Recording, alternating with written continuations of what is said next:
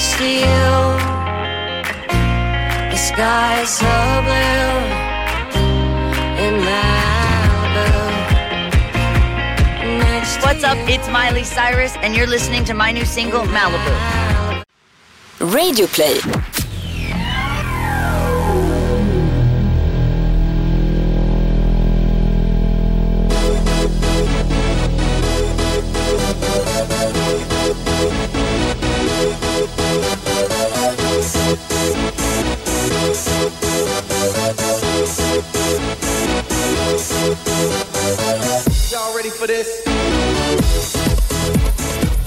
Vänner, känn er varmt välkomna till det 33 avsnittet av Toto Balutto.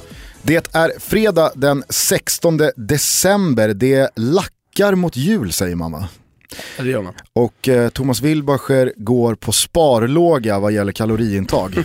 Du har på dig en Fiorentina eh, tjocktröja Den som du inte har länge. Nej, den har legat undanstoppad. Ja, den har faktiskt gjort det och nytvättad såg jag att den hängde där hemma. Jag tänkte, äh, vad fan jag testar. Jag vet ju inte riktigt hur jag ligger till i knappkampen. Jag Men, men det är många som engagerar sig. Ja, det är många som engagerar sig. Tack så mycket för allt stöd. Eh, Jag har fått göra lite armhävningar i veckan. Det är så att du la ju på en extra växel i knappkampen här i måndags. Eh, Så att om man möter mig nu fram till den 22 december så kan man säga 10 armhävningar eller 10 upphopp så måste jag göra det. Och hur har det här tagits uttryck? Nej, det, det har ju blivit då på eh, isiga gator. Igår var jag på Stadium i Kungskurva. Då fick man också gå ner, göra tio armhävningar. Eh, så, och Helena och, och barnen där hemma, de är hårda mot mig. Fy fan vad jobbigt. Ja, fast de har ju anledning att vara, de har ju sett den här eh, bedrövliga kroppen och, och ja, Ja, Helena hon gör ju bara sig själv en tjänst här genom att ligga på dig. verkligen.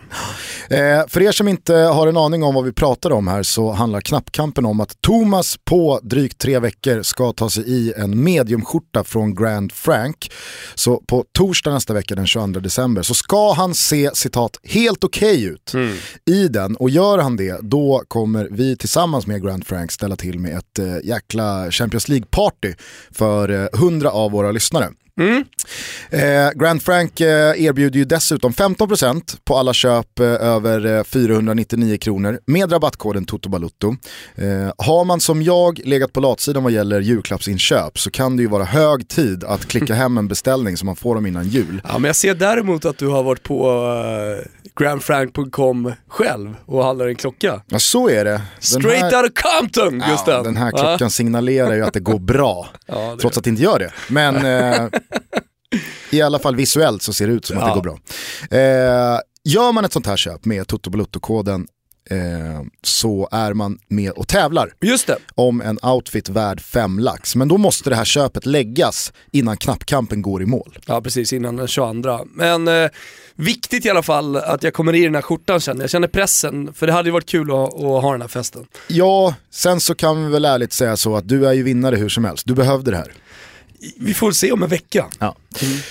Eh, hörni, eh, det är eh, som sagt den 16 december och vi eh, ska väl såklart eh, gratta lite födelsedagsbarn. Mats Just. Hummels fyller år idag. Kul för han. Den tyske mittbacken som eh, Han är var... undantaget som bekräftar regeln. Jaså? Ja, att man inte kan bli bra om man är född sent på året. Ja, jo kanske. Han blev ju väldigt bra, Mats Hummels. Ja, verkligen.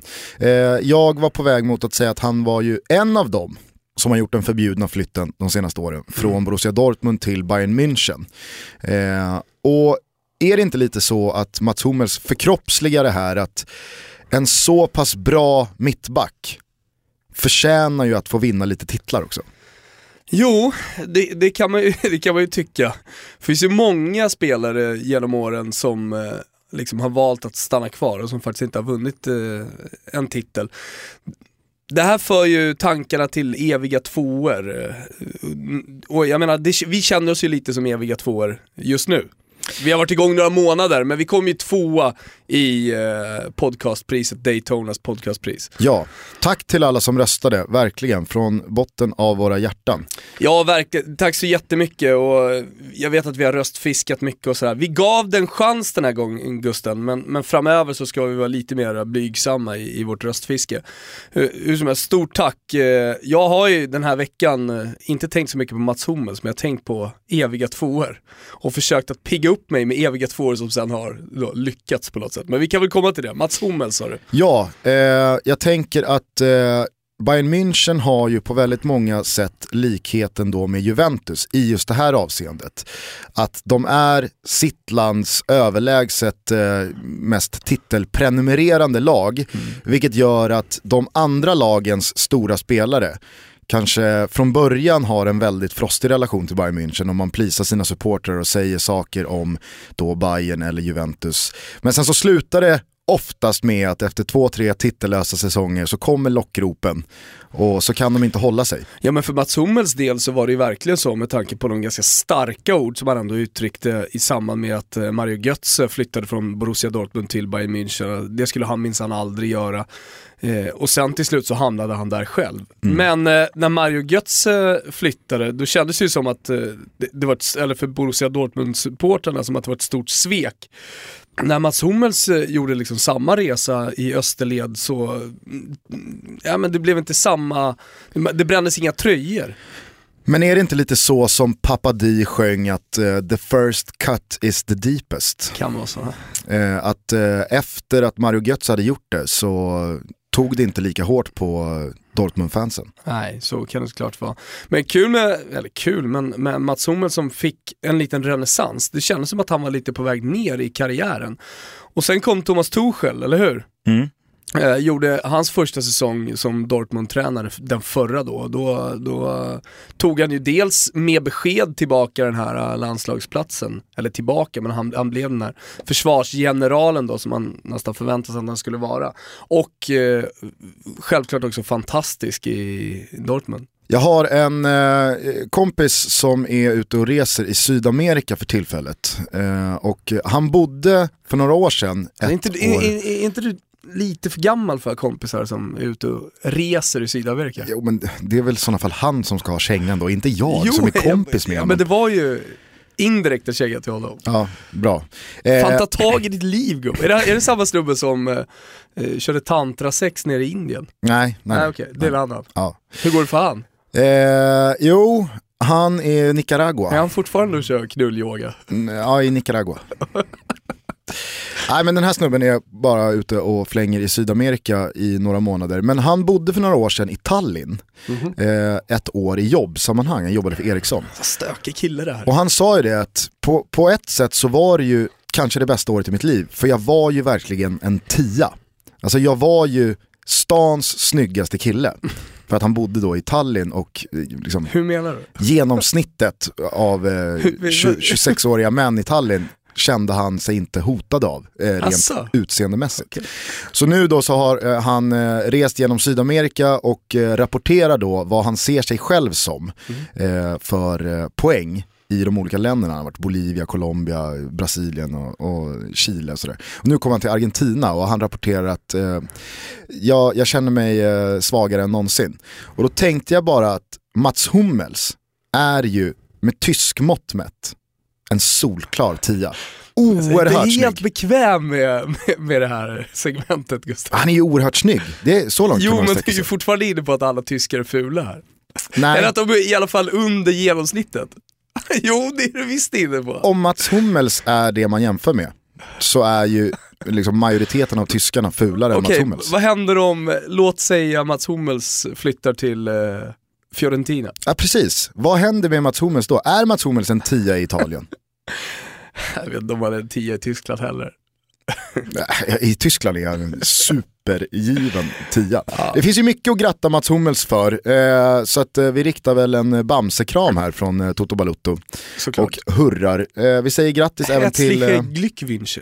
heter det så? Mm, kul, eller fint. Mame Biram Diouf, det är ju en eh, väldigt märklig forward som eh, slog igenom på eh, nordliga breddgrader i Norge. Kom till United, lyckades inte riktigt, lånades ut till Hannover, eh, öste in lite mål och sen så eh, gjorde han comeback i eh, Premier League med Stoke såklart. De fångar ju upp alla gamla brödsmulor. Eh, sen så fyller ju även Dennis Wise år. David Fjälls Dennis Wise. Ja, David Fjell, eh, det känns som att han fortfarande hoppas på att Har han inte Dennis Wise ska återuppstå. Har han inte fortfarande nicknamet på Svenska fans forum? Dennis Wise. Det är möjligt. Jag tror det. Det är möjligt. Ja. Nej men eh, Dennis Wise är en sån här spelare som personifierar ett lags generation. Tänker du Chelsea 90-tal Ja. så är det ju Dennis Wise du ser. Vem är, eh, vem definierar, vem, vem är liksom Chelsea för, förkroppsligad 2016 då? Det är ju på väg att bli på något sätt Conte, för att han, han sätter alltid sån tydligt prägel på sitt lag med sin energi och liksom sätt att vara och det smittar av sig på planen. Lite som, låt oss säga samma skola som Diego Simeone. Men eh, på I planen, med, i, spelarmässigt, I och med att John Terry fortfarande tillhör truppen så är det ju taskigt mot John Terry att säga att det är någon annan som förkroppsligar Chelsea 2016. Men i och med väldigt sparsam speltid eh, så får man väl ändå säga att Diego Costas höst eh, någonstans ringar in Conte och Ja, men jag Chelseas eh, tänker spelsätt. Abramovic eh, generellt sett sådär. Lampard var ju... Ja det är väl, det är väl Lampard och Terry då. Ja, säg Men, att, säg att, ja precis, Lampard på något, men jag tycker ändå Lampard, sättet han spelade på, eh, hans sätt att vara liksom på planen var ännu starkare än John Terry. Ja kanske. Eh, han höll ju sig undan skandalrubriker också, Och så Lampard. dunkar vi in en till mittfältare, jag menar om Dennis Wise var den här hårda mittfältaren eh, som aldrig vek en tum i närkamperna så var då Lampard, det här nya Chelsea, kanske lite mer europeiskt sprudlande. Kanske kunde göra lite mer med bollen. Ja, ja men exakt. Eh, grattis i alla fall till eh, Dennis Wise. Det sista grattiset, det riktar vi till Roland Nu Sandberg. undrar jag ju bara vem du har missat. Men kör. Eh, Roland Sandberg är ju en eh, gammal allsvensk skyttekung. Två säsonger i rad så plockade han hem eh, the golden boot, som det absolut inte heter, men som jag nu eh, namngav den allsvenska skytteligатiteln. eh, Åtvidaberg var ju en gång i tiden en maktfaktor i svensk eh, klubblagsfotboll. Känns konstigt att säga. Ja, verkligen. Eh, men det firades stora triumfer på Kopparvallen eh, där Roland Sandberg bildade ett fruktat anfallspar med Twitters okrönte konung Ralf Edström. Nu är du på minerad mark igen Gusten. Ja, ja, jag tyckte inte jag... Krönt ikon. ja. Ja, ja. Eh, rubri... Vi Twitters, borde ju- vi- Twitters stora rubrikmakare, Ja. Ralf Edström. Ja, och i och för sig då, Twitter är väl då någon slags eh, mm, rubrik, mini-blogg. Så är det. Vad Eh, k- kallas det för när man inte skriver ut Twitter? Är det mikrobloggen? Mikrobloggen, Ja. precis. Precis. Eh, nej men Roland Sandberg vann eh, skytteligan eh, i Åtvidaberg och i Allsvenskan tidigt 70-tal, två säsonger i rad. Och han var ju väldigt, väldigt eh, timid som person och fotbollsspelare. Vet du hur många gånger han fick ett gult kort under hela sin karriär? ja men säg en gång då. Två. Mm. Två gula kort eh, under hela sin karriär. Eh, på uppstuds så tror jag han bara slås av Sir Bobby Charlton. Som blev varnad, det här är, kan någon rätta mig om jag har fel på, men där är väl den klassiska sägningen att han bara blev varnad en gång. Men här är, det är ju något fel på de här spelarna. Jag, jag tycker också det, det här är ingenting att vara stolt över. Eller så är det så på den tiden att det blev liksom så allmänt känt att Sir Bobby Charlton var en spelare som man inte varnade, alldeles oavsett vad. Och, och Sandberg, han var så rek och snubbe. Så att eh, man, även om han liksom råkade komma lite sent in i en situation en gång så gav man inte honom en, eh, ett, ett gult kort. Jag gillar också att när du refererar tillbaka till eh, Bobby Charltons spelarkarriär, att du slår på Sir. Att han redan då var Sir Bobby Charlton. För då är det ju förståeligt att domarna inte varnar bekväm med honom. det här Sir. Nej jag vet, men det hade varit kul om han redan då var adlad. Och, Sir Alex Ferguson. och domaren, säger det? domaren vill varna Bobby Charlton. Mm. Sir, sir, please. Exakt. Men eh, det hade varit kul att ringa Raffe nu, men vi spelar in i eh, Arla morgonstund, Gusten. Och eh, jag kan inte tänker mig att Raffe är uppe så här dags. Du eh, har ju eh, flera år jobbat på Expressen. Och det finns ju... Eh, Oavsett vad som händer, ja, vi ringer Ralf. Man, det, det kan man höra varje dag på Expressen. snabblina till Ralf Edström. Ja. Vad tycker Ralf? Ja, lite mer sällan nu då. Ja, men det känns som att han tog ett eh, rejält kliv bort från det mediala bruset efter eh, den tredje och hittills då sista meltdownen på Twitter. Ja, Det började ju lite oskyldigt med att han trodde att han hade sprungit på uh, Concha-gubben.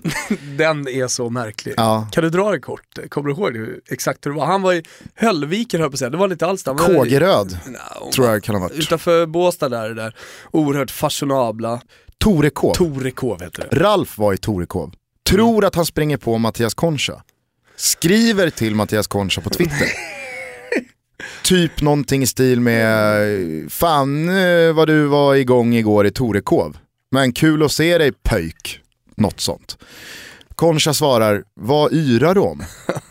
vad yrar du om Ralf? Han har inte varit i Torekov Och eh, Ralf, liksom kapsylen flyger på Ralf. Han bara tappar det. Du är inte Mattias Concha. Du har kapat eh, hans identitet. Jag tror att han kallar Concha för rövhål. Eh, ah. Och sen så går det väl upp för Ralf att jo, det var Concha han pratade med på Twitter, men det var inte Concha han träffade i Torekov. Eh, sen så eskalerade det ju några månader senare när ett sms, får man ju ändå tro, Blev en tweet. blev en tweet. Ja. Eh, och det var ju ganska så ekivoka eh, ord som uttrycktes. Han är ju fortfarande sexuellt aktiv, Ralf, det vet vi. Onekligen, Ja. i alla fall eh, i text. Fortfarande, det är väl alla höll på att säga. Vad vet jag. Eh, nej, men som sagt, det där smset hittade ut på Twitter istället.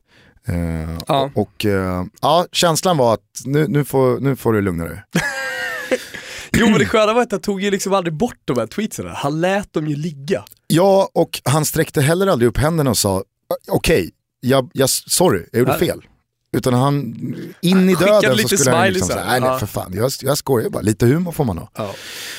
Sen så eh, kulminerade allting va, med att han, eh, jag, jag tror att han skrev kondomer till de nyanlända. Ja just det, exakt. Eh, och då, med, då var det cit- över. ci- ci- citationen här. Mm. vi får väl se om det är för gott eller om eh, det är en paus. Får ringa Ralf något, något avsnitt och kolla med honom. Så är det. Hörru du, eh, vill du veta vad som har hänt i Europa i veckan? Jättegärna, det, har det hänt så mycket? En del. Okej, kör då. I tisdags fick inte Arsenal fira Alexis Sanchez födelsedag med en vinst, eller ens poäng. Chilenaren fick hjälp av Evertons Ashley Williams med ledningsmålet, men det blå hemmalaget vände och vann genom Samme Williams skalle i slutet av matchen. Arsene Wenger inkasserade sin första ligaförlust på väldigt länge och visade öppet sitt missnöje med att tappa mark i den alltmer hopplösa titeljakten. Under onsdagen spelades hela åtta matcher i Premier League och få hade väl trott att den enda hattrickskytten skulle heta José Rondon. Venezuela och West Bromwich Finest pulveriserade Swansea och Tony Pulis manskap ligger efter 16 omgångar på en fin, fin sjunde plats. Adam Lallana har kommit tillbaka på bästa sätt i Liverpool och fanns återigen med i målprotokollet när Klopps gäng segrade borta mot Borough. Många saknar Coutinho, men den underskattade engelsmannen fyller luckan oerhört väl än så länge. Zlatan avgjorde sent mot Crystal Palace, Tottenham manglade Hull och Manchester City tog en krampaktig seger hemma mot Watford. Lagets första hemmavinst i ligan sedan den 22 september. Men leder, det gör fortfarande Chelsea. Antonio Contes segermaskin står nu på 10 raka vinster och 1-0-skalpen borta mot Sunderland imponerade lite extra då lagets kanske bästa spelare, Eden Hazard, för första gången under samma streak saknades på grund av skada. Annars då? Ja, det har inte hänt överdrivet mycket i spelväg, men jag tycker det är på sin plats att lyfta upp och slå ett slag för Monacos 17-åriga anfallare Kylian Mbappe. Många har säkert redan koll på superlöftet från furstendömet, men efter tre mål i kuppslakten av Rennes kan inte Toto Balotto hålla sig. 2017, det blir Mbappes år.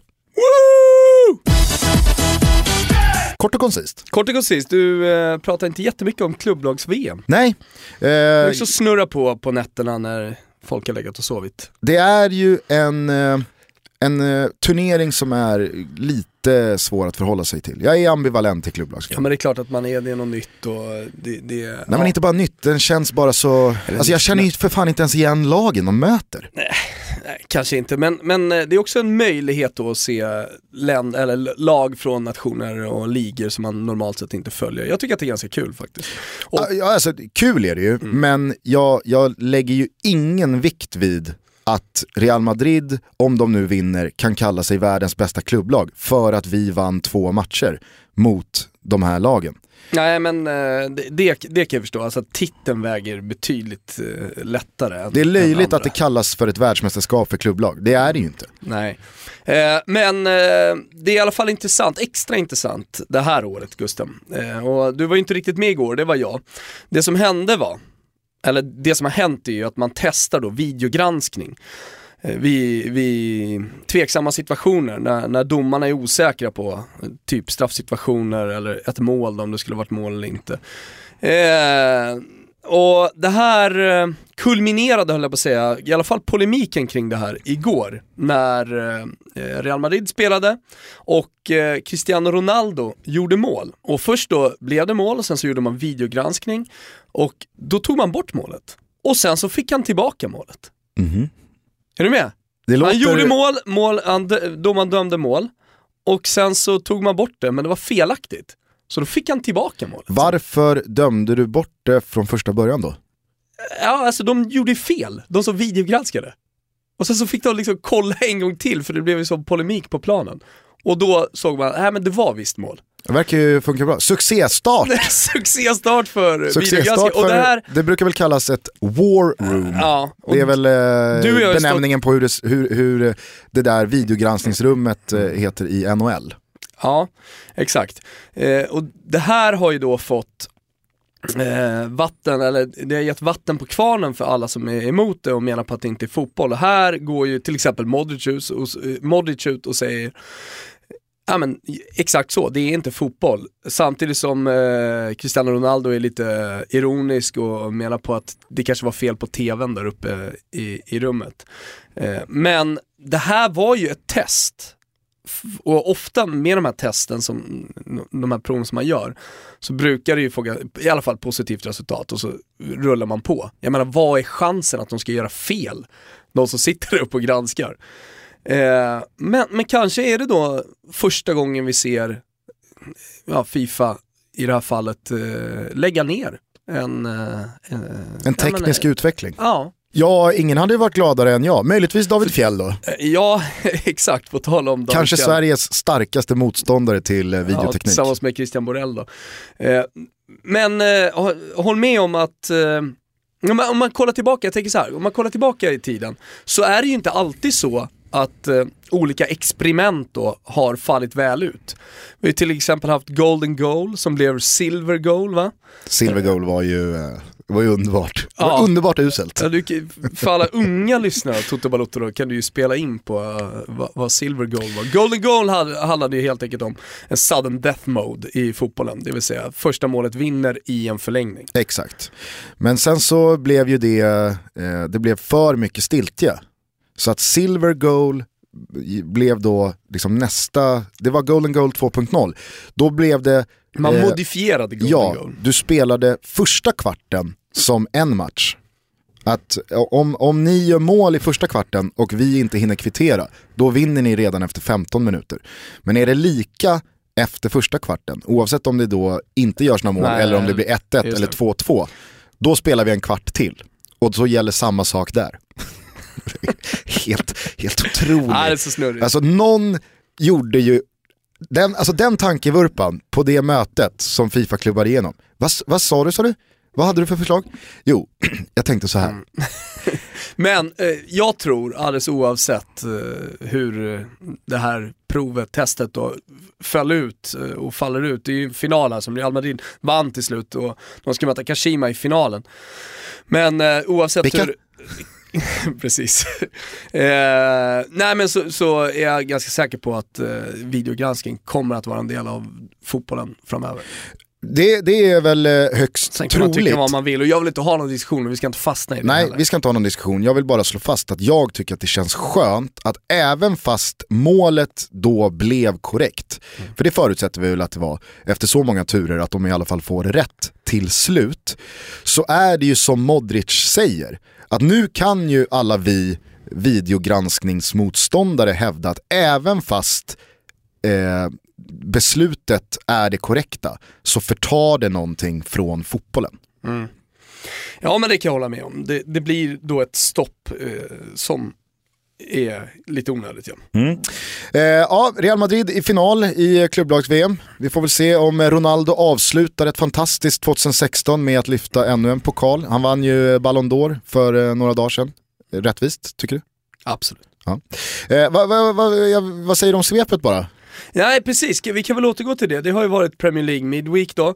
De går in i en period här. Hylla de som hyllas bör. Passningen av Paul Pogba fram till eh, Zlatan Ibrahimovic var helt fantastisk. Eh, jag såg på Twitter någon skrev eh, det här klassiska Zlatan can't score against Stoke eh, on a rainy day. Eh, ja, sådär. Eh, nu gör han de målen, då har man vänt på det igen och menar på att Zlatan kan börja göra mål mot de mindre, den gamla klyschan är tillbaka. Men, men som sagt, hylla de som hyllas bör. Två av, eller de, de två mest prestigefyllda köpen som Manchester United gjorde i somras och jag och Zlatan gick eh, på Bosman, men skitsamma, eh, levererade och gav Manchester United tre poäng. Med tanke på hur mycket skit framförallt Paul Pogba har fått så tycker jag att eh, det kan vara läge att hylla honom. Eh, för eh, jag menar, det där var i alla fall ett ögonblick av briljans och, och jag tror att alla Paul Pogba-skeptiker eh, fick i alla fall en liten tankeställare och såg vad, vad han är kapabel till. Eh, Han behöver det här och det är skönt för honom att gå in i den här intensiva perioden som den engelska fotbollen nu är på väg in i. Eh, eller är mitt i, eh, just, just under julen då med, med tätt matchande. Jag är ju helt övertygad om att eh, Paul Pogba, även han, trots att han kostar en miljard och har eh, en, en attityd som, vad brukar du säga på italienska? Det, det, han har så mycket attityd eh, att det finns över till försäljning. Exakt. Nej men inte ens han är ju immun mot eh, kritik och ifrågasättande. Och det känns som att den här matchen, även fast det över 90 minuter spelmässigt inte var kanon, så gör han 1 plus 1 och det kan bli en självförtroende-boost som jag är helt övertygad om kommer smitta av sig på Pogbas spelmässiga insatser. Vore ju märkligt om all talang plötsligt var försvunnen. Så är det. Eh, men du säger hyllas de som hyllas bör. Lalana var du inne på och man har ju märkt då på sociala medier att det, det är en spelare som det pratas väldigt mycket om nu. Eh, och Till slut får man säga. ja, till slut. Jag fick in att han, jag tycker han, han är underskattad. Ja, precis. Sen var väl inte alltid perfekt eh, tidigare då under Brennan Rodgers. Eh, jag menar, det, det är typiskt en sån spelare, ytter, som har väldigt höga toppar och djupa dalar, ojämn spelare. Men som trivs väldigt bra under en tränare som Jürgen Klopp. Och eh, det var ju många, många Liverpool-supportrar som grät när Coutinho gick sönder. Eh, nu tänker man ju knappt på att, eh, eller man tänker inte på att Coutinho inte är med. Som du också nämnde i, i svepet här. Nej, det har ju varit eh, väldigt mycket skugga på Liverpools andra spelare utanför den här eh, trion Mané, Firmino och Coutinho under hösten. Med all rätt, de har ju varit fantastiska. Daniel Sturridge är väl den som har fått eh, lida mest ont av deras succé. Men Lalana har ju varit en sån här spelare som Alltså, han, är, han är bra i så många olika positioner att det nästan skadar honom. Det blir lätt att peta honom just för att han inte är the shit Vet på du, en position. vet du, det är han och utrikeskorrespondenten. Ja. Eh, men nu, nu så kanske då Lalana får lite upprättelse för både honom själv och alla de här spelarna som är flexibla. Att eh, han visar hur viktig han är för eh, ett lag som Liverpool, för en trupp, för Klopp som vet att jag kan använda Lalana som inhoppare, som startspelare, på en kant, centralt, som släpande, som nästan spets. Och han levererar. Sen gillar jag de här spelarna som inte gnäller när de, inte, liksom, när, när de blir petade utan de gör jobbet på träningarna och så är de redo när chansen kommer. Det är, blir mer och mer ovanligt. Verkligen. Eh, jag tycker när vi är då på temat hyllas de som hyllas bör, att eh, bara understryka Tony Pulis och West Bromwich. Det är ju fantastiskt att de går så starkt som de gör.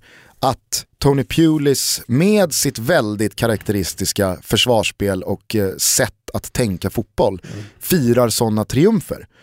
Och jag, jag älskar att vi sitter här i många avsnitt och pratar om Pep Guardiola och filosofer som försöker pusha gränserna för fotboll. Och så finns det de här som säger, ja, men det där är inte för mig. Jag har en klar vision om hur jag vill spela fotboll och hur jag vill ta mina poäng. Det kanske inte ser jättevackert ut, vi kanske inte uppfinner hjulet, men gör vi bara jobbet så som jag vill att vi ska göra jobbet, ja, då kommer det här sluta bra. Och att West Bromwich ligger sjua efter 16 omgångar, det kanske är Premier Leagues eh, mest positiva bedrift hittills. Ja det håller jag helt med om. Tillsammans såklart med några andra. Conte tar sin tionde raka seger. Eh, så, så det är klart det finns andra också, men, men eh, jag håller med dig. Det, det är överraskande och det är framförallt imponerande, det West Bromwich gör. Med det så stänger vi eh, svepet. Vi har fått en ny polare. Årets tre sista veckor så är vi sponsrade av Betsson. Spelbolaget eh, och tillsammans med dem så har vi eh, dragit igång Toto-trippen. Du kombinerar eh, och komponerar en trippel som heter Thomas Toto-trippel och jag har gjort samma sak som heter Gustens Toto-trippel. Eh, vi ska snart dra vilka matcher det är, förutsättningarna för er som lyssnar och vill vara med och tävla om officiella matchtröjor från era favoritlag. Ni gör så att ni lägger en av våra tripplar med insatsen 100 plus avsnittsnumret, i det här fallet 33, så att 133 kronor insats ger er rätt eh, då att eh, tävla om eh, officiella matchtröjor från Serie A, Premier League, La Liga, Bundesliga, Allsvenskan och Ligue 1. Får man säga är ett eh, jäkla bra urval. Ja verkligen. Det ska mycket till om man inte hittar ett favoritlag där. Ja så är det ju såklart.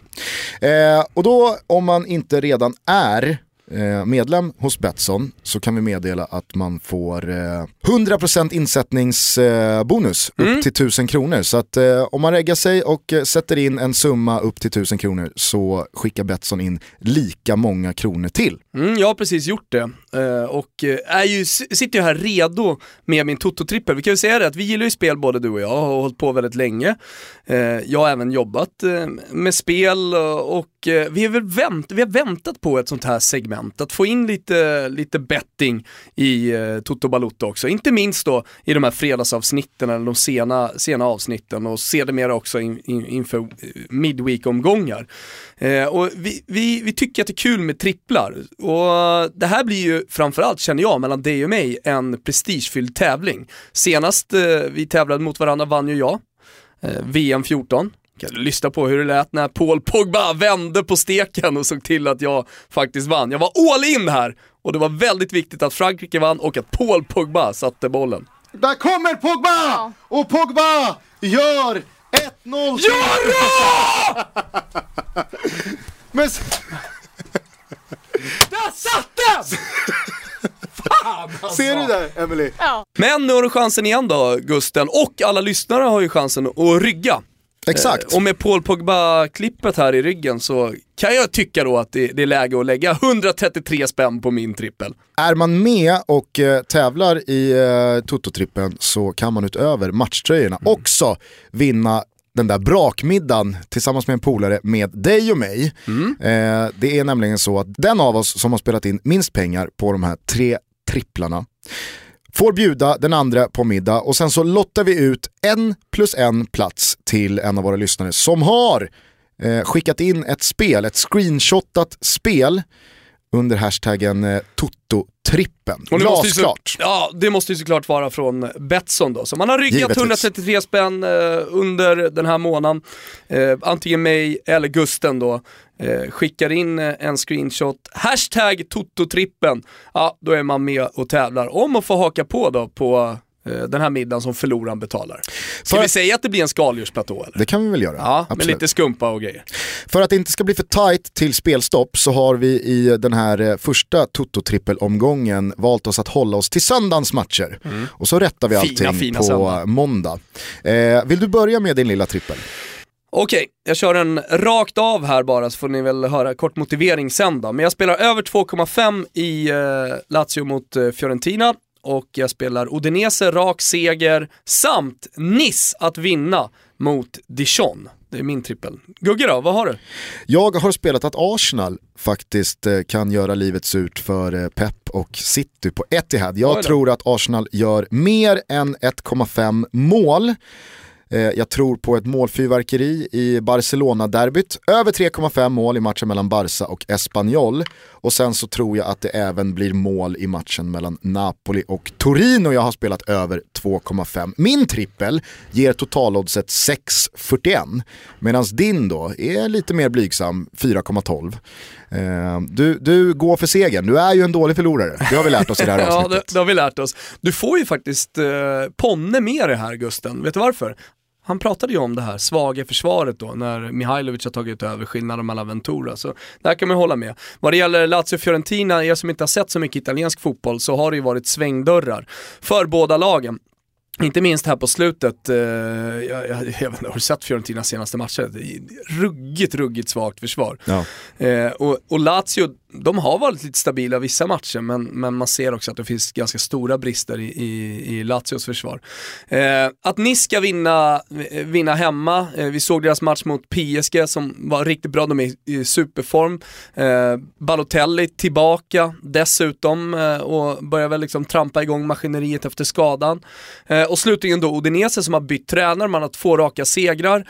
Eh, det ser betydligt bättre ut med Del Nere vid rodret eh, och jag hemma mot ett svagt, svagt eh, Crotone med Marcus Rodén på plan visserligen. De krigar på, nej men eh, där, där kan jag bara se att det blir vinst. Terå, anfallaren också i super, superslag just nu. Nej men okej, då gör man så alltså att man eh, ryggar en av de här tripplarna, eller båda, med insatsen 133 kronor så är man med i eh, Betssons lotteri om 50 stycken officiella matchtröjor.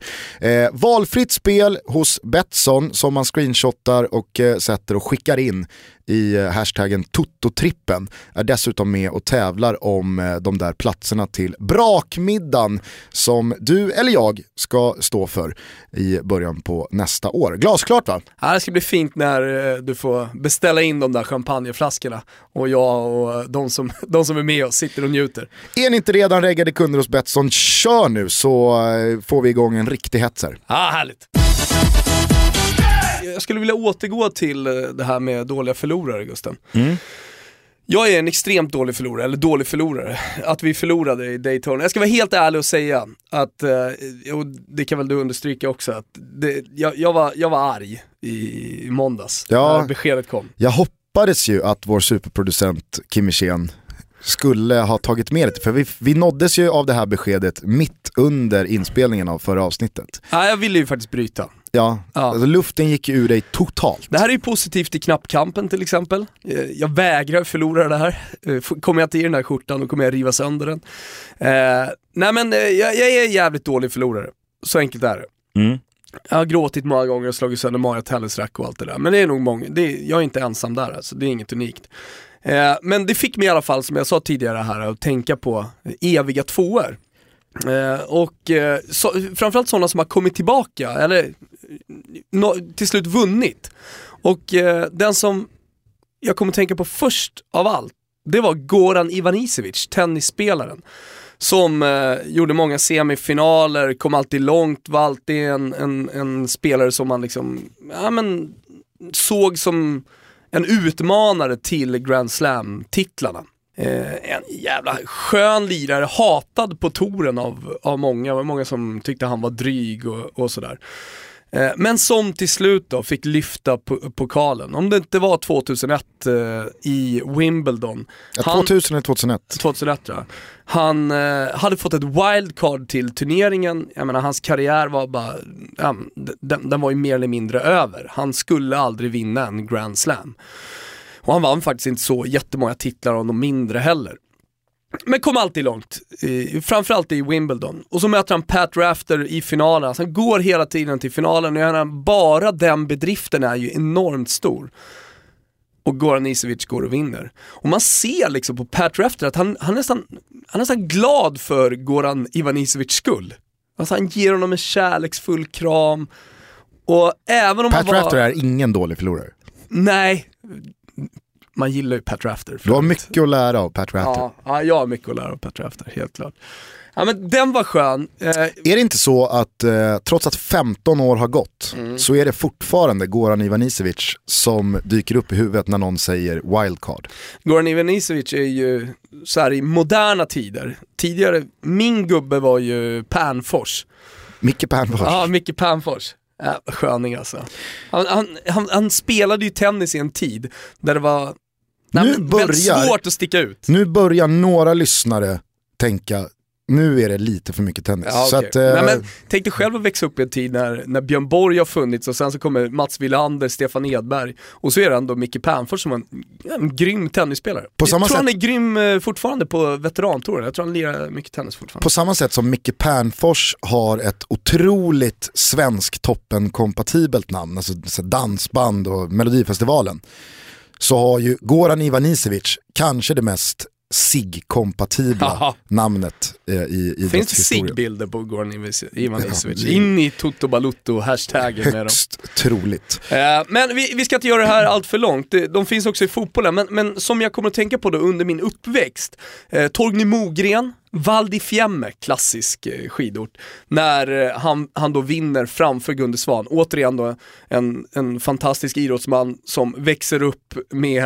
ja, men med till exempel då en Gunde Svan och en Wassberg eh, som, eh, som vinner loppen och sen så får han vinna. Jag tror att Gunde Svan sa efter eh, att Torgny har vunnit att han, han hade inte varit gladare om han hade vunnit själv. Nej. Eh, men, men slutligen då, alltså den, den finaste historien, det är ändå Dan Jansen, har du koll på honom? Nej, verkligen inte. Det, det, han, han, hans öde är ju väldigt, väldigt speciellt. Han var alltså världens bästa kortdistansskrinnare i slutet på 80-talet. Och det enda han saknade var liksom ett OS-guld. Vi, vi pratar skridsko i velodrom här eller? Ja, velodrom, men skridsko... Runt, runt Kort, skridsko. kortbana, inte short track som när australiensaren vann för att alla föll. Eh, men på tal om att falla då, med några timmar före 500 meters finalen i Calgary-OS så dog hans syster i leukemi. Det här är ju oerhört tragiskt. Och sen, eh, så han går till final, men han faller på både 500 meter och 1000 meter. Totalt knäckt av sorg. Men sen så repar han sig och så kommer han tillbaka till OS 1994. Alltså jag minns det här så väl, det är så starkt alltså. Och han ramlar återigen på 1000 meter. Och det här är liksom, det, det är sista han gör när han kliver upp på 500 meter finalen. Eh, och han vinner. Alltså, du vet, folk står upp i den här jävla ishallen och bara gormar. Och så tar han sin dotter på armen, alltså det här är så jävla starkt. Och så kör han bara ärovarv efter ärovarv, det tar liksom inte slut. Och dottern, den här lilla dottern, har han ju döpt efter systern Jane då. Äh, det är så vackert. Det är, det är otroligt. Fan vad jag inte vill liksom kontra här nu med Patrice Evras finalförluster. Nej. Det är så mycket mindre liksom, i sammanhanget. Jo, Fotbollen är ju inte lika mycket komma tvåa. Det, det finns ju också andra, alltså Sven, tycker Sven i- Nylander, det är ju det, är ju, det, är ju det mest tragiska. Ja, fast Sven Nylander kom ju om man ska vara petig alltid fyra och inte tvåa. Ja. Eh, Men det är väl i eh, löpning och friidrottssammanhang lite samma sak som att komma tvåa. Ja. Eh, nej men jag tycker att vi knyter ihop säcken då på, på fotbollsplanen Ja. då, genom att belysa att Patrice Evra har alltså förlorat eh, fyra stycken Champions League-finaler och en EM-final. Eh, han har varit i sex stora finaler, fick ju faktiskt vinna Champions League med Manchester United mot Chelsea 2008. Men har förlorat Champions League-finaler med Monaco, United och Juventus. Och sen i somras då så förlorade man ju surt, surt mot eh, Portugal. Så att Patrice Evra är ju en Toto Balutto-favorit. Han är ju väldigt Han är ju eh, glad, glad i livet ändå. ändå. Kan vi inte lyssna lite på Patrice Evra?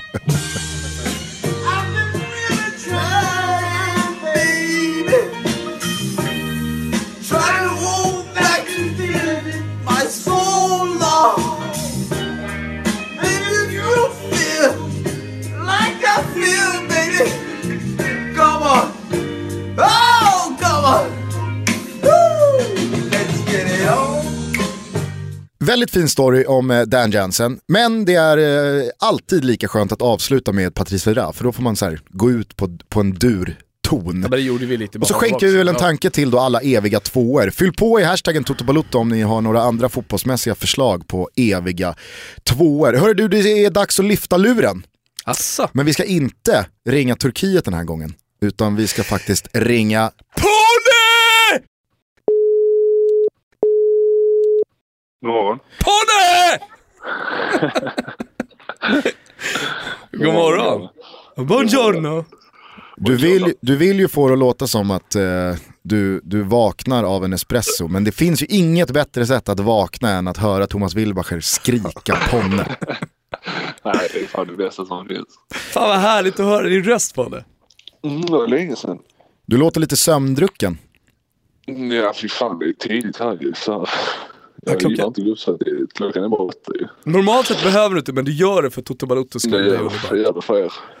Det är ju ett tajt eh, matchschema också, börjar kroppen bli sliten? Nej, faktiskt inte. Jag börjar mer med att man vänjer sig. Det känns, det känns det är helt sjukt. Det känns som att det är match varannan dag alltså. Men eh, nej, nu har jag ändå spelat 16 matcher så nu vänjer man sig alltså. Får man fråga hur lätta träningarna är mellan matchdagarna när det är så här intensivt? Är det bara lite gris och kvadde och gå igenom fasta? Ja, gå igenom, alltså gå igenom motståndarna lite taktiskt. Inte, inte som i Italien men alltså lite ändå veta vad vi ska göra och vad de gör. Det är inte Ventura-klass på analysen. Nej, verkligen inte. Nej, alltså, träningarna är alltså, sen jag kom för vad är det, tre och en halv månad sedan så jag, utan överdriva har jag gjort kanske två riktiga träningar. Resten, resten har varit alltså bara så här förberedelse och... Men det verkar ju passa dig bra. Jag menar, det, Ja, det ja. tuffar ju på. Ja, i Italien tränar jag bara. Här spelar jag bara så att jag föredrar att spela. Eller så kanske det är så att eh, du också behöver haka på knappkampen här. Du tränar för lite. Nej, faktiskt inte. Jag tränar som en idiot själv också så eh, tror jag inte. Hör du, eh, supertung skalp sist hemma mot Reading som eh, har gått som tåget senaste månaderna. Eh, ni parkerar eh, fortfarande på en playoff-plats. Det känns som att eh, nu börjar ju verkligen, eh, alltså, nu börjar ni verkligen backa upp de här eh, Premier League-drömmarna med resultat. Mm. Nej, exakt. Nej, när jag kom och jag sa att vi skulle gå till Premier League så hade vi en poäng på fem matcher så kändes det lite, lite sådär. Men eh, nej, nu vinner vi. Har vi har sig förlorat både mot Brighton och Newcastle men jävla... Jag vet inte om vi har sett eller följt matcherna men skumma matcher så vi har gett bort tre och fyra mål och en tidig, tidig utvisning med Brighton sist. Och, så att, förutom de två matcherna så har vi varit riktigt stabila slipper till lite och, och, och mer och mer skapar vi mer chanser framåt också. Eh, lite otur med skador vi har haft men alltså vi, nej, jag, jag tror, alltså det är ett bra lag så jag tror vi kan det. Jag vet att vi kan gå till Premier League men jag hoppas att, jag hoppas att det blir så också. Du byggde ju på myten om dig själv också här i senaste matchen mot Reading när du fläker dig fram och eh, räddar ett givet mål för Reading på mållinjen, agerar lite målvakt. Kände du själv när, när du räddade den bollen att bra på nu, nu, nu tar vi det ytterligare upp en nivå här. Nej, ja, jag vet inte. Alltså när jag är ute på matchen väl igång alltså, jag vet inte vad som händer med mitt huvud. Något, något, något, jag vet inte fan alltså. Det är så mycket känslor inblandat och vill så mycket. Och så det är bara... Klart jag blev glad när jag såg att det inte gick in men jag, jag vet inte. Jag blev mest glad för att vi vann matchen såklart och att vi kunde haka på, haka på toppen. Men det är ju nej, det, det är mycket känslor. det, det är ju faktiskt eh, sällan som eh, Eh, men, så här, direkt avgörande brytningar eller liksom, man- man, räddar ett mål firas eller hyllas så mycket som det faktiskt borde göra. Ofta så är det liksom anfallarna som får stå i hjälterollen eh, för, för att de avgör i 90 minuten. Men, men det här kändes ju verkligen som ett mål, det var direkt avgörande. Mm. Ja, nej, det var viktigt. Det var viktigt. Uh, eh, jag vet inte, det blir mer och mer. Alltså, han har sagt till mig för fem år sedan att du ska fira och du räddar ett mål. Så hade jag sagt till mig, är du dum i huvudet eller? Hela, hela mitt liv, hela min uppväxt har bara varit att spela offensiv fotboll, göra mål och så här. Så att, jag vet inte, jag har, väl mognat och ändrat, ändrat sina mål. Vi har ju hört eh, ytterligare en sång om dig eskalera här i juletid. Man har ju börjat sjunga Whams Last Christmas. Kimpa, vi eh, lägger in en liten snutt här hur det har låtit.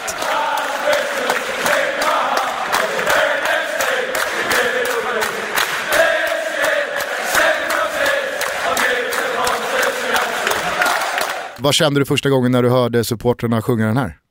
Eh, jag kommer inte ihåg vem det var mot. Det måste ha varit mot Brighton. Nej, det var, nej, det var hemma. Det var grymt, det är grymt såklart. Det är grymt varje gång de, de sjunger om. Men, men eh, jag tror det var Brighton borta. tror jag de sjöng den typ så 25 minuter i sträck. Det är rätt, rätt sjuk känsla alltså.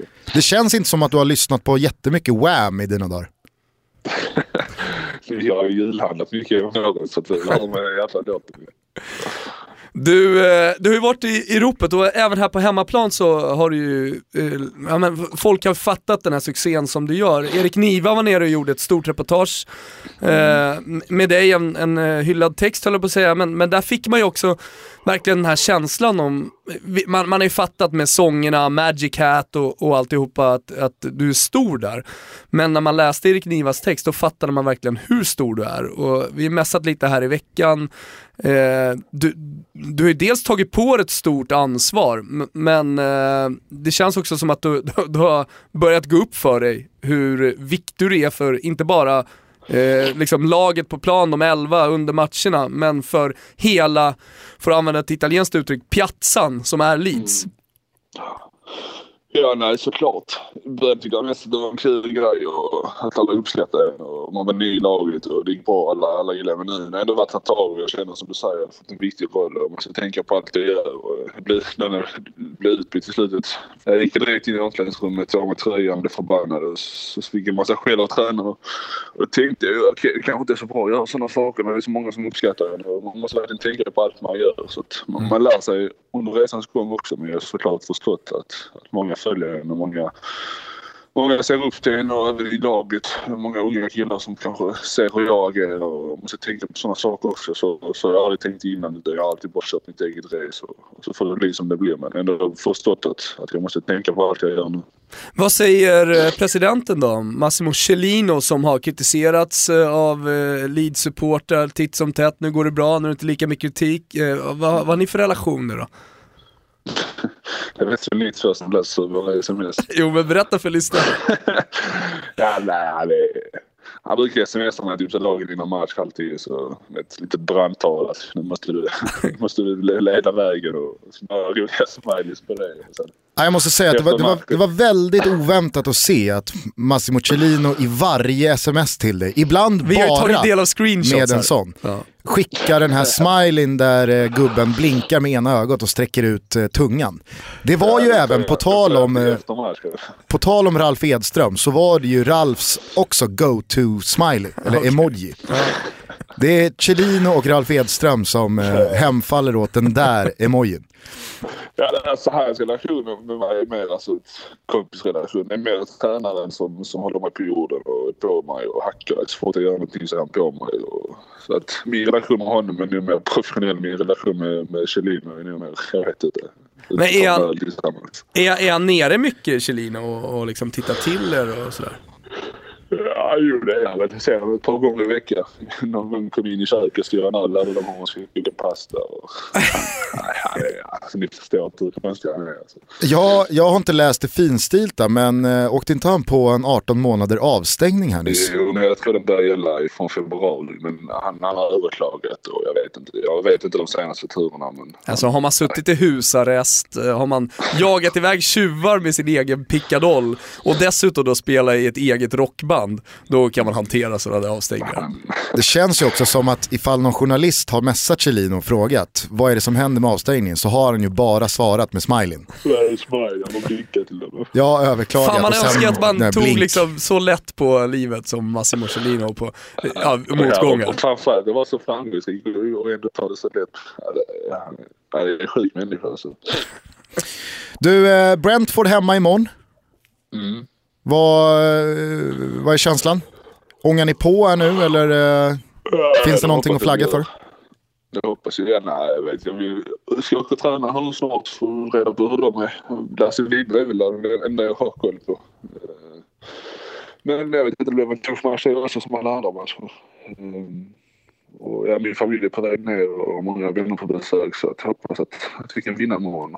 Eh, Sen åker jag faktiskt hem till Sverige på, på söndag några dagar och firar jul med familjen. Så att, ja, sista matchen har nu innan några dagar. Back to Arlev. Mm, back to Hollywood. Käka pastan i Burlöv Center. Kebaben, kom igen. Han är hängt upp på det alltså. Men du, hur, eh, hur, du pratade ju, jag tror det var senast vi, pra, vi snackades vid, eh, om eh, någon skön italiensk restaurang där. Är du fortfarande stammis? Betalar du när du Mm, får ja, notan eller, eller får du någon nota? Nej, jag får faktiskt betala. Italien var det mycket bättre. Jag vet inte om de är snåla på just denna. Men ja, nej, den italienska ligan var precis ja, över gatan så att där är jag väl varannan dag i alla fall. Nu i och för sig när tjejen här så äter jag rätt mycket hemma men är inte hon här så är jag där. Både lunch och middag. På tal om att vara snål eller inte och på tal om julhandel, kan du avslöja här i eh, Toto Balutto vad, vad du har julhandlat? Vad, vad får, vad får eh, fästman? Nej, det kan jag inte göra. Hon brukar lyssna på oss. Så att, eh, och detta kommer hon garanterat lyssna på. Hon följer allt jag gör. Så att Vad har du köpt, vad har du köpt till mamma då? Ja du, ingenting faktiskt. Men vad fan Jag ska ju hem nu så jag har några dagar på mig. som Ah, Okej, du, Flyg- äh. Burlöf Äh, nej, nej, nej, nej. Det är Burlöf. Två timmar i Burlöf Center så har ju. Ponne täckt hela släkten. Presentkort på Kappahl. Ja, exakt. Nej, skärpning Ponne. Ja, vi kan ju rekommendera grandfrank.com annars. Där, där hittar man snygga grejer. Kanske inte till mamma, men eh, till polare eller farsan eller något. Ja. Det vore vore jag har faktiskt inte hört mycket om det nu. Jag får in och kolla och se om det är. Ja, det Efter är allt beröm ni har gett dem så hoppas jag att det är bra. Ja, du du har nog tid eh, med att slå en flukt på den hemsidan. Du, en, en sak jag som är lite det. på tapeten på det är ju det här med ditt kontrakt och alltihopa. Det, det är många, jag ser att det är många Leeds-fans som, när du lägger in ett, eh, ett Instagram-inlägg eller sådär, ofta skriver liksom signed contract och, och sådär. Eh, och det, det, är väl, det är väl ingen hemlighet liksom att det, det finns en klausul där eh, som kickar i efter ett visst antal matcher, att li- det finns en obligatorisk eh, köpklausul. Eh, hur, hur tänker du liksom kring det? Ja, nej, det är exakt efter 22 matcher så, så blir jag automatiskt deras spelare. Eh, Och nu har du spelat upplever- 16. Jag, inte, jag sa det, alltså redan direkt när jag kom in så sa jag det. Egentligen borde jag inte ha sagt det. Utan, för det, det blev, som det blev. Men ja, nu är jag jag ute. Så att efter 22 matcher så, så blir jag automatiskt deras spelare. Så att det lär bli nu i januari. Så oavsett så i januari så vet jag väl vad som kommer. Alltså då kommer det bli en permanent. Eh, Så att ja, om man inte annat händer med skador. Jag får peppa ta i trä. Men eh, vi får se. Och den Det permanenta. Jag vill- är den alltså, jag permanenta lösningen officiell? Alltså vad blir det? Det blir två och ett halvt år då eller? Nej, jag vet inte om jag ska vara det. Nej, jag tror det är mer. Men eh, det, det blir ändå Jag vill bara att det ska bli klart så tar vi det därifrån. Jag eh, som sagt trivs fantastiskt bra i England och fantastiskt bra här. Så att det är det enda jag vill just nu. man måste ju ändå flagga för, med tanke på den succén du gör, att eh, Premier League-klubbarna garanterat tittar på dig Ponne. Jo, det är det såklart. Det fattar jag också. Men eh, ett steg i taget känner jag ändå bäst att ta. Nu är jag här och vill vara med på detta i alla fall hela detta året. Och sen får vi ta det därifrån. Um, de säger att jättebra i Italien om två år med Ventura. Men tillbaka till Italien. Men Mihailovic, det, det är inget som jag, som jag längtar efter om vi säger så. Du, på tal om Italien bara kort, eh, såg du Il Derby della Mole? Ja. Sur torsk. Ja, fan. Står in imponerad. Alltså, jag vet inte. Bara defensivt är de inte alls lika stabila som, som vi var. Men det tappar ju så här både Lik Maximovic, Bruno Perez Ponne. Och Ponne. Men framåt så um, ser det riktigt bra ut och mittfältsmässigt Valfiori fantastiskt fin spelare alltså. Uh, Och Belotti har blommat ut. Uh, Belotti, Baselli, Jago Falk. Han var, han var riktigt kall när han kom i, i somras men han har också kommit igång nu. Jajic. Nej, de är fina. Och din polare Camille Glick, han var där nere på Bordeaux Camp och hälsade på sina lagkamrater. Han tog bilen direkt efter matchen med Monaco. Ja, det är fint. Hade hade jag haft den relationen så hade jag också gjort det. Så Ja, fint. Möjligheten. Monaco är nära. Mm. Ja, exakt. Ska vi bara sy ihop säcken, eh, den gamla Calciomania-säcken då om Andrea Belotti. Eh, vad, vad satt han inne på egentligen? Äh, jävla nacke har han i alla fall. Så får ni ta det därifrån. Vi hävdar ju att det är, det är fotbolls-Italiens mest välhängda spelare. Bara på auran. Det känns i alla fall som att han har, eh, alltså han dominerar ju seniorduschen nu. Ja. Nu duschar Nej, han ju inte med junisarna. Han har nog bytt dusch, ja. Så är det. Hör du, eh, lycka till imorgon Ponne. Vi håller tummarna. Och eh, så får du väl eh, höra av dig om du är i Svedala nästa vecka då. Ja, jag, jag av mig vilket fall som helst. Ja, eh, Hälsa frugan också. Det ska jag göra om vi ligger och sover, men jag ska hälsa den då. bra. Väcker ni med ett ponny! Det ska jag göra. Ha det bra grabbar. We love you. Tja! Kul att snacka med Ponne. Ja, det var länge sedan. Eh, Han eh, är ju onekligen i, vad ska jag säga, sin livshigh. Ja, han är ju onekligen också en av alla de svenska spelare som har gått till en andra liga och exploderat. Ja. Och gjort det bra. Och du pratar om att Premier League-klubbarna har koll. Vill det sig riktigt väl så kan han ju om ett år vara Premier League-spelare med Leeds. Jag, jag, jo, exakt. Det hade ju varit det finaste av allt, att, att Leeds går upp. Man gillar ju den typen av historier oavsett eh, vilket lag man håller på. Eh, men jag säger så här, om han fortsätter för att vara skadefri hela vägen fram till, eh, till sommaren och, och Leeds inte går upp, då blir, det svårt, eh, man, då blir det svårt för Leeds att tacka nej. Inte minst då med en president som Massimo Cellino, som gärna köper billigt, säljer dyrt. Eh, för, för jag menar, man måste väl ändå hävda att han, han har varit, nu, nu har inte jag kollat på alla Championship-matcher, men, men han, han måste ju vara topp av samtliga mittbackar i eh, kadettserien. Det är väl eh, väldigt troligt att det, att det Ja. ligger till så. Mm. Eh, Thomas, eh, det är dags att eh, avsluta dagens avsnitt. Eh, är det någonting eh, du vill skicka med våra lyssnare in i helgen? Ja men en sak som har hänt under veckan här att eh, prinsessan Victoria varit och hälsat på Roma, det, är väl, det, det har ju inte undgått oss. Och du som Roma-supporter har ju sett henne hålla i, i den här Victoria-tröjan, nummer ett. Eh, det, det, det var ju dock lustigt på den här bilden som, jag vet inte hur många som har sett det, men det är i alla fall en bild och ser ut som att de står på en green screen och har liksom lagt in en fin eh, Roma-fasad i bakgrunden. Men eh, hon står och håller i eh, Victoria nummer ett och så är det en Totti-tröja bredvid och det ser ut som att hon säger liksom, hallå kan inte jag få den där? Men, men det starka här, det speciella här är ju att Totti då har nobbat mötet med eh, prinsessan Victoria och prins Daniel. Det gillar man ju. Ja, och pri- prins Daniel fick ju inte vara med på de här bilderna heller. Jag såg han inte på en enda bild. Av bara Victoria. Ja, Det är ju, det är dock mer, det, det är ju rätt. Kanske. Eh, vi eh, påminner väl återigen allihopa då om att eh, kika in på grandfrank.com men också att eh, vara med på Toto-trippen hos Betsson. Det vore jäkligt roligt ifall vi kan få till en liten hype där och att vi kan tävla mot varandra. Och så kan man vinna då Bring sitt it on, favoritlags officiella matchtröja. Bara en sån sak. Det vore skitkul. Nu tycker jag vi avslutar med Papadis eh, mästerverk.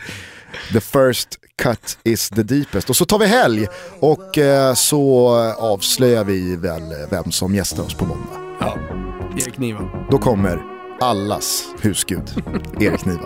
Ja, det är väl så. Trevlig helg på ni. Ciao.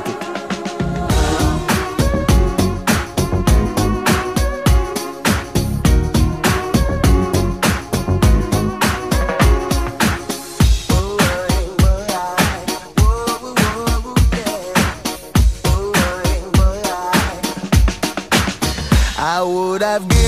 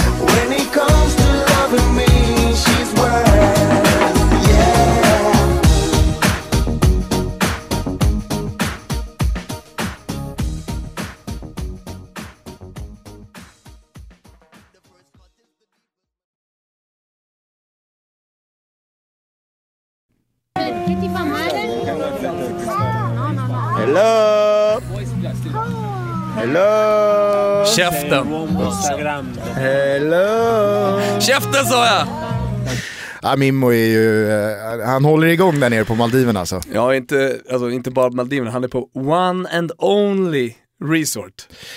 Ja, det är klart han är. Eh, innan vi eh, bara går igenom vad som har hänt de senaste dagarna så har vi fått några, det var bland annat en kille som skrev till mig så här, vad är det för Instagramkonto ni pratar om i slutet av eh, det senaste avsnittet?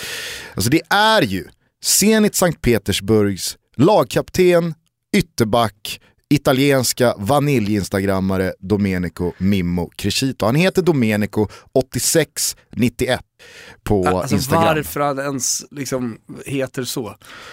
Jag skulle kunna tänka mig att han är född 86 och Pammi är född 91.